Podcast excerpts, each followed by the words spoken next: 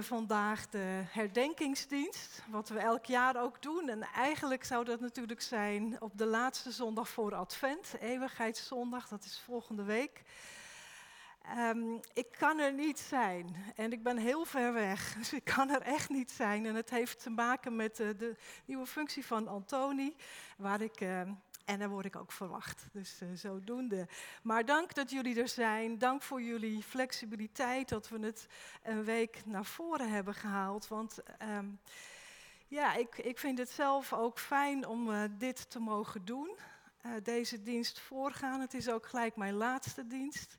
Behalve dan nog de afscheidsdienst in december. Maar dit is mijn laatste dienst die ik samen met jullie mag hebben.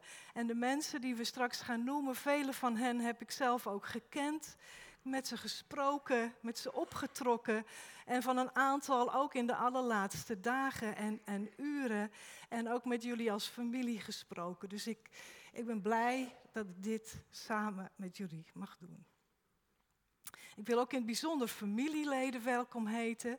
Uh, ik zie al een aantal mensen die, uh, die er zijn. En uh, ook in het bijzonder Marina en Evelina, de dochters van Jenny de Vries en Co de Vries. En voor jullie is dit de eerste keer dat jullie herdenken, jullie moeder, je vrouw herdenken in deze dienst. Dus welkom ook aan jullie. Fijn dat jullie er zijn. En ik, ik wens ook echt jullie allemaal toe dat dit een dienst van bemoediging mag zijn. Ja, als we dus de mensen gedenken die uh, ons zijn voorgegaan in de Heer, zoals we dat dan uh, zo mooi zeggen, dan worden we ook tegelijkertijd bepaald bij de eindigheid van het menselijk leven. Ons leven is kwetsbaar, dat is gewoon zo. Er komt een einde aan, vroeg of later. En ook het leven op aarde is een kwetsbaar leven. En ik denk dat jullie het allemaal met me eens zullen zijn dat wij best wel in een hele onrustige tijd leven op het moment, wereldwijd.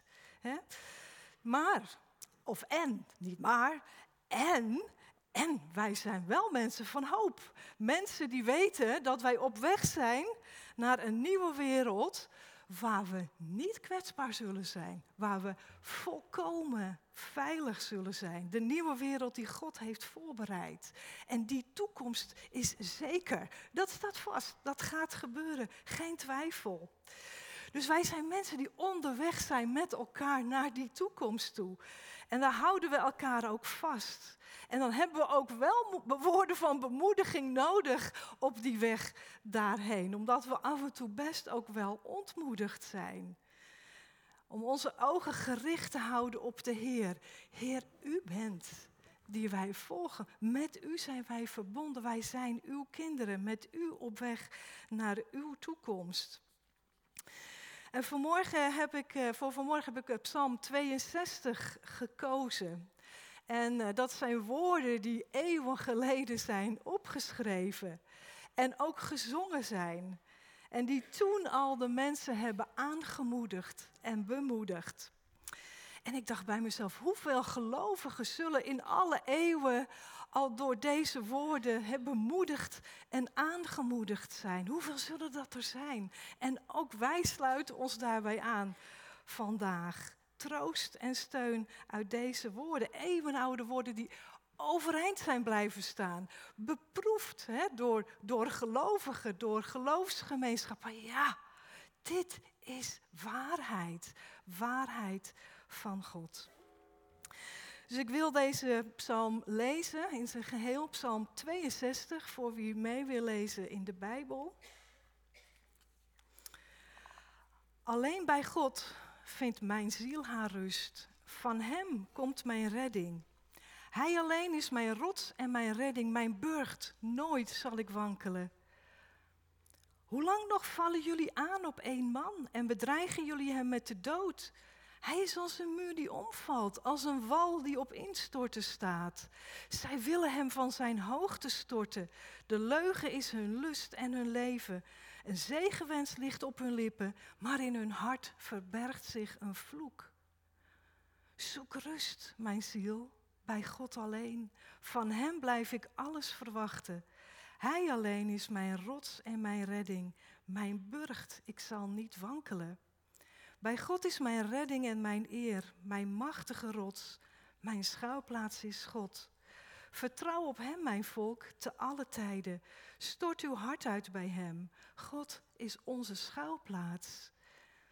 Niets dan lucht zijn de kinderen van Adam. Niets dan een leugen de mensenkinderen. In de weegschaal gaan zij omhoog. Samen zijn zij lichter dan lucht.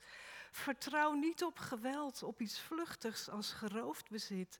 Ook al groeien geld en goed, houd je hart ervan vrij. Eenmaal heeft God gesproken. Tweemaal heb ik het gehoord. De macht is aan God. U, Heer, bent liefdevol. U beloont ieder mens naar zijn daden. Worden beelden in deze psalm gebruikt. Ja, die heb je nodig om iets duidelijk te maken wat je anders niet goed met woorden vatten kunt. En, en, het, en het zijn beelden die duidelijk willen maken hoe wij dan bij God bescherming vinden. En hoe Hij dan onze redding en onze schouwplaats is. En een van die beelden is een burcht. God is mijn burcht. En in die tijd ja, was dat een, een hele veilige plek waar je kon schuilen.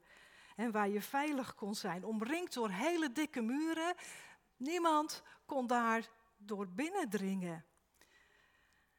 En dat is wel veranderd. Er is geen enkele burcht van die er nu nog staan, is nog veilig. Hoe dik die muren ook zijn. Hè? Het zijn nostalgische gebouwen geworden die we gaan bezoeken als we op vakantie zijn. En toen zat ik me te bedenken, maar zouden we, wat, wat zouden wij dan nu zeggen? Hè? Wat zou dan een plek zijn waarvan wij zeggen, nou dat is een zo veilige plek, die is ondoordringbaar. Ik kon het niet bedenken. Ik, ik zat aan, aan plekken te denken, toen dacht ik, ja, maar, maar ook daar zou je op een of andere manier toch nog binnen kunnen dringen. Hè, door alle geavanceerde technieken die wij allemaal hebben. Misschien kunnen jullie het wel bedenken. Ik kon het niet bedenken. Er is geen enkele plek in theorie 100% veilig.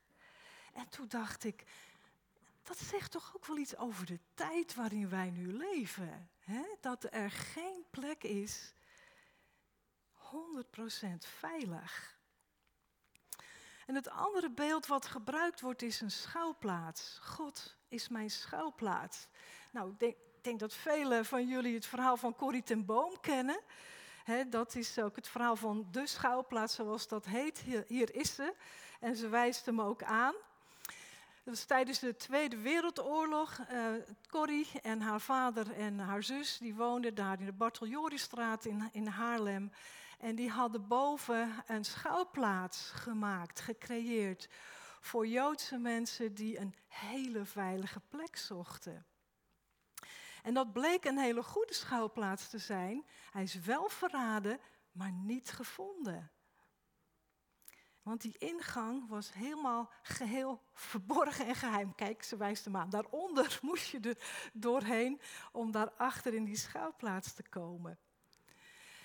En ik dacht bij mezelf, wat een, mooi voorbeeld eigenlijk. En zij wijst de ingang aan van de schuilplaats. Iemand moet je de ingang wijzen, anders vind je hem niet, want een schuilplaats is verborgen om juist veilig te zijn. En alleen degenen die de schuilplaats kennen, die weten waar die ingang is. En zo spreekt Psalm 62 over zo'n schuilplaats. De schuilplaats is bij God, is God.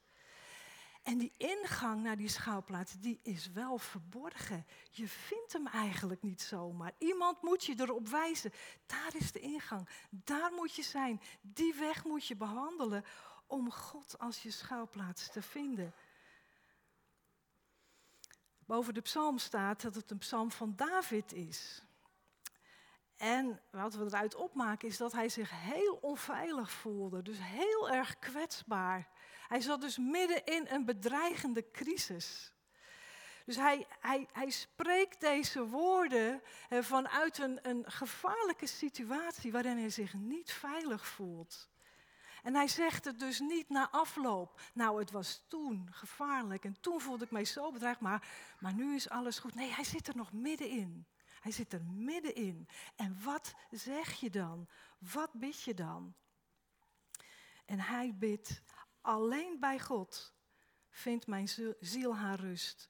Van Hem komt mijn redding. Hij alleen is mijn rots en mijn redding, mijn burcht. Nooit zal ik wankelen. En dat is een uitspraak van geloof die Hij hier doet.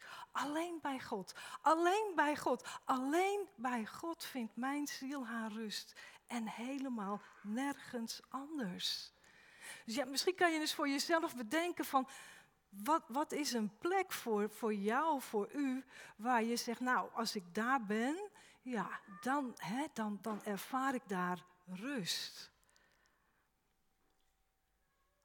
Ik weet niet of, het je, of je het kan bedenken, maar dan zou deze psalm, dan zou David zeggen, ook daar is niet volkomen rust te vinden. Ook niet echte ware rust, want die vind je alleen bij God. Alleen bij God. En misschien is het ook wel het antwoord wat je zelf hebt ontdekt. Alleen bij God vindt mijn innerlijk haar rust. En dan rust in de zin van stil worden. Innerlijk helemaal stil worden. Omdat je zo tot rust gekomen bent. Omdat je ervaart, hier is het goed. Hier valt echt alles van me af. Hier voel ik mij geheel veilig en begrepen. Hier hoef ik niets, hier moet ik niets. Ik mag er gewoon zijn. Stilte. Best opmerkelijk. Dat stil zijn, als je je zo bewust bent van de rust en de redding die je alleen bij God vindt. Want eigenlijk zou je verwachten, ah, als je daar dan zo vol van bent, zo overtuigd van bent, nou dan breek je toch uit in luid gejubel om over God die redding en bevrijding brengt. Niet hier. Geen luid gejubel, geen woorden. Stil. Stil bij God. Geen woorden en geen gejubel nodig.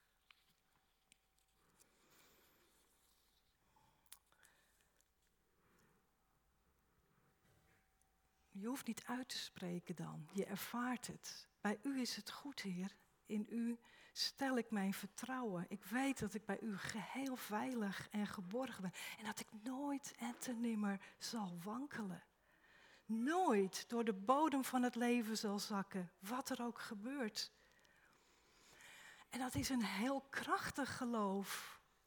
Want hij staat namelijk wel op het punt van neervallen en wankelen. Want in vers 4 zegt hij: Hoe lang vallen jullie nog aan op één man? En bedreigen jullie hem met de dood? Hij, en David, hij spreekt over zichzelf, is als een muur die omvalt. Als een wal die op instorten staat. Zo voel ik mij, zo ervaar ik het. dit is wat hij ervaart, een muur die aan het omvallen is. Nog niet gevallen, maar wel heel wankel. Dus aan de ene kant gelooft hij dat God hem vasthoudt. God zijn redding is, zijn schuilplaats is, dat hij nooit zal wankelen. En aan de andere kant zegt hij, ik voel mij als die muur die aan het omvallen is. Ik voel mij heel kwetsbaar midden in deze crisis. En dan zou je zeggen, wat tegenstrijdig is dat? Toch? Wat tegenstrijdig. Maar dat kan dus. Dat kan. We kunnen geloven en ervan, er zeker van zijn dat God ons vasthoudt en redt. Dat wij nooit volledig zullen instorten. Dat kunnen wij van harte geloven en toch ervaren dat we aan het wankelen zijn. Dat kan naast elkaar bestaan. En ik dacht bij mezelf, ja, ik zie dat gebeuren bij gemeenteleden die een dierbare moeten missen. Het gemis en de rouw, die voelen als die muur dat je aan het wankelen bent. Kan ik nog wel blijven staan? Heb ik daarvoor wel de kracht? je voelt je als een muur die op instorten staat en toch gebeurt het niet. Hij blijft staan. Gedragen in de kracht van de Heer, ook al voelt het als wankelen. Vertrouwen op God en innerlijke onrust, die kunnen dus samengaan. Die kunnen naast elkaar bestaan. En dat betekent niet dat wij een zwak geloof hebben of een gebrekkig geloof. Als we innerlijk onrustig zijn, niet kunnen slapen van malende gedachten of zorgen of verdriet. En dan toch ook in God vertrouwen. Het kan dus. Het kan naast elkaar bestaan. Dat, dat bevestigt deze psalm. In een crisis of een onveilige situatie. Vertrouwen en onrust kunnen samengaan, kunnen naast elkaar bestaan. Ja, en hoe onveilig de situatie voor hem was, dat blijkt uit het volgende vers. Zij willen hem van zijn hoogte storten. De leugen is hun lust en hun leven. Een zegenwens ligt op hun lippen, maar in hun hart verbergt zich een vloek. Dus zijn tegenstanders zijn mensen die hij absoluut niet vertrouwen kan. Die hebben kwaad in de zin. Ze willen hem in discrediet brengen en hem uit de weg ruimen. Oh, wat angstig is dat. Maar ook bij je, denk je bij jezelf, wat boos. Wat kan dat je boos maken? Machteloos. Dat je daar niets tegen kan doen, wat oneerlijk is dit. Heb je dat ook wel eens ervaren? Mensen die erop uit zijn om je in discrediet te brengen. En misschien niet zoals bij David om je ook om te brengen, maar om je in discrediet te brengen. Door een negatief beeld van je te schetsen bij anderen. Heb je dat wel eens ervaren? Zodat ze zelf sterker staan, zodat ze je buiten kunnen sluiten, je uit je functie of je positie wegwerken, je uit de familie of vriendenkring verstoten of ja zelfs uit de kerk verbannen. Onrecht wordt je aangedaan. Hoe reageer je dan? Terugslaan? Wegkwijnen in bitterheid? In de slachtofferrol kruipen? Ontkennen, doen alsof er helemaal niets aan de hand is, omdat je het maar niet wil voelen, dat onrecht wat je aangedaan wordt? Of ga je heel moedig het gesprek opzoeken, zonder te weten of dat ook iets gaat opleveren? En David zegt tegen ons, je ziel toespreken. Eerst je eigen ziel toespreken. En zeggen, zoek rust, mijn ziel. Zoek rust, mijn ziel, bij God alleen. Zoek rust, mijn ziel, want van Hem blijf ik alles verwachten. En het is bijna alsof je hem hoort denken, was ik het nou toch bijna weer vergeten? Dat ik alleen door God mijn redding vind. Dat alleen in God mijn redding vind dat Hij mijn schouder is. Was ik het nou bijna toch weer vergeten? Dus ik moet mijn ziel even aanspreken, toespreken. Zoek rust, mijn ziel. Zoek rust bij God alleen en vergeet dat niet.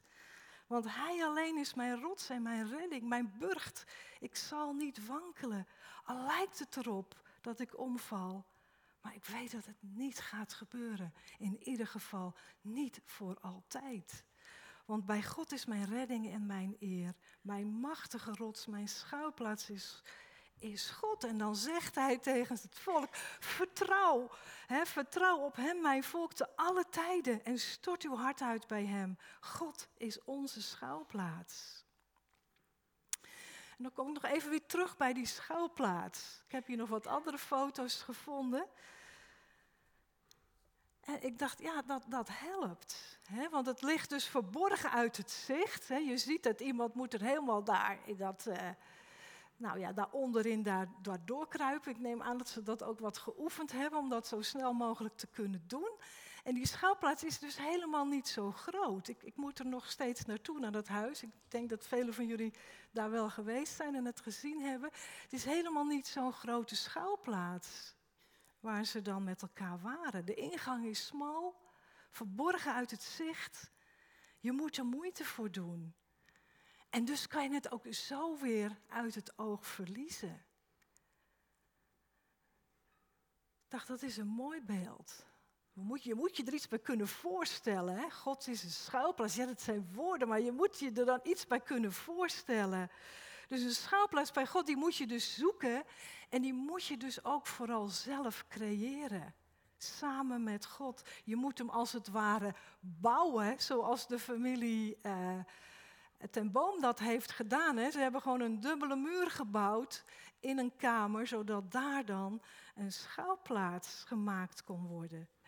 Dus een schaalplaats is een plek in je eigen leven, in je dagelijks leven. Bouwen, creëren. Een moment creëren. Of misschien zelfs wel een plek in huis. Jaren terug heeft iemand mij dat aangeraden. En nee, zet ergens een stoel neer. En dat is de stoel waar jij God zoekt en ontmoet. En dat heb ik gedaan. En als ik naar die stoel kijk, dan denk ik, ah ja, ja, dat, dat, dat is de schouwplaats. Dat is waar ik God zoek en ontmoet. Ik zou daar eigenlijk wel wat vaker in willen zitten. Dat is mijn schouwplaats. Daar ontmoet ik Hem. En ook wel even, want zo makkelijk gaat het echt niet. En je kan bidden, dat kan. Maar die stilte, die rust, dat je echt weet, en nu ben ik in de aanwezigheid van God, mijn Heer. Die is er niet even zomaar. Die moet je zoeken, die moet je vinden. Dan moet je door dat kleine luikje kruipen. Je moet daar dus wel wat moeite voor doen. En dan jezelf toespreken, God, ik wil u ontmoeten in de stilte. Ziel, mijn ziel, mijn innerlijke, zoek hem. Zoek je rust daar. Want ik ben het alweer vergeten. Dat ik alleen bij God mijn rust vind. Hij alleen is het toch die bij machten is mij te redden en te zorgen dat ik niet val. Bij Hem kan ik schuilen. Denk eraan, vergeet het niet. Spreek jezelf toe daarin. Bij Hem alleen is het volkomen veilig. En daarachter in die kleine ruimte, dat is als het ware die binnenkamer. Waar je bent samen met God. Uit het zicht van alle tegenstanders. Uit het zicht van alle bedreigende situaties die je omver willen werpen. En daar, dat plekje, daar is het veilig om je hele hart uit te storten bij de Heer. En daar kan niemand bij. Daar kan niemand bij. Dat is een ondoordringbare plek. De enige ondoordringbare plek tussen ons en God, tussen jou en God, tussen mij en God. Niemand kan daarbij. Een echte schuilplaats is dat. Dan de slotverse. Eenmaal heeft God gesproken. Tweemaal heb ik het gehoord. De macht is aan God. U, Heer, bent liefdevol. U beloont ieder mens naar zijn daden. Ah ja, nu, dus aan het einde van, van de psalm, dan horen we waarom David zo zeker is dat zijn ziel alleen bij God rust. Hij heeft God horen spreken, eenmaal. En hij heeft twee dingen gehoord. God heeft alle macht in de wereld, dat is het eerste. Ook wij hebben dat gehoord. Jezus heeft het kwade overwonnen. En daarom heeft God hem de naam geschonken die alle naam te boven gaat. Omdat in de naam van Jezus elke macht zich zal buigen. Alle machten en krachten zullen eens herkennen. Jezus alleen is Heer. En we weten en geloven dat we daar naar op weg zijn. En dat die machten hè, die nu nog gaande zijn en kwaad in de wereld brengen, wij weten, maar eens zullen zij tot zwijgen gebracht worden. En dan kunnen we ook dreiging en verdriet in ons persoonlijk leven ervaren. En we kijken om ons heen naar de dreiging in de wereld van geweld en onrecht en natuurrampen. En dat mag ons onrustig maken. Dat mag. En tegelijkertijd hebben we vertrouwen dat God alles in zijn macht heeft. En dat wij elke dag een stukje dichter bij dat doel komen. Dat God bij ons zal wonen. Alles veilig en goed zal zijn. Onrust en vertrouwen. Het bestaat naast elkaar. En het tweede wat hij heeft gehoord is dat God liefdevol is en ieder mens beloont naar zijn of haar daden. De Heer wendt zich in zijn liefde tot ieder mens toe. Hij schenkt zijn liefde door Jezus Christus onze Heer en hij wacht op het antwoord. Hij wacht op de respons, op de reactie daarop dat we het aannemen en ontvangen. En dat zal door de Heer beloond worden. En hij zegt het ook zelf. Ik kom spoedig in Openbaring 22, bijna aan het eind van de Bijbel. Ik kom spoedig en ik heb het loon bij me om iedereen te belonen naar zijn of haar daden. Dat geeft rust. Het komt goed. Het komt helemaal goed. Er zal recht gedaan worden aan ieder van ons en in de wereld. Dus deze psalm spreekt tot ons. Te midden van de stormen van het leven en moedigt ons aan. Maak een schouwplaats waar je alleen met God bent. En niemand kan binnendringen. Daar vind je je rust en je hoop. Alleen bij God. Telkens weer. En hou twee dingen voor ogen. Jezus is alle macht gegeven en God is liefdevol. Hij ziet onze respons daarop en zal ons daarvoor zegenen. Amen.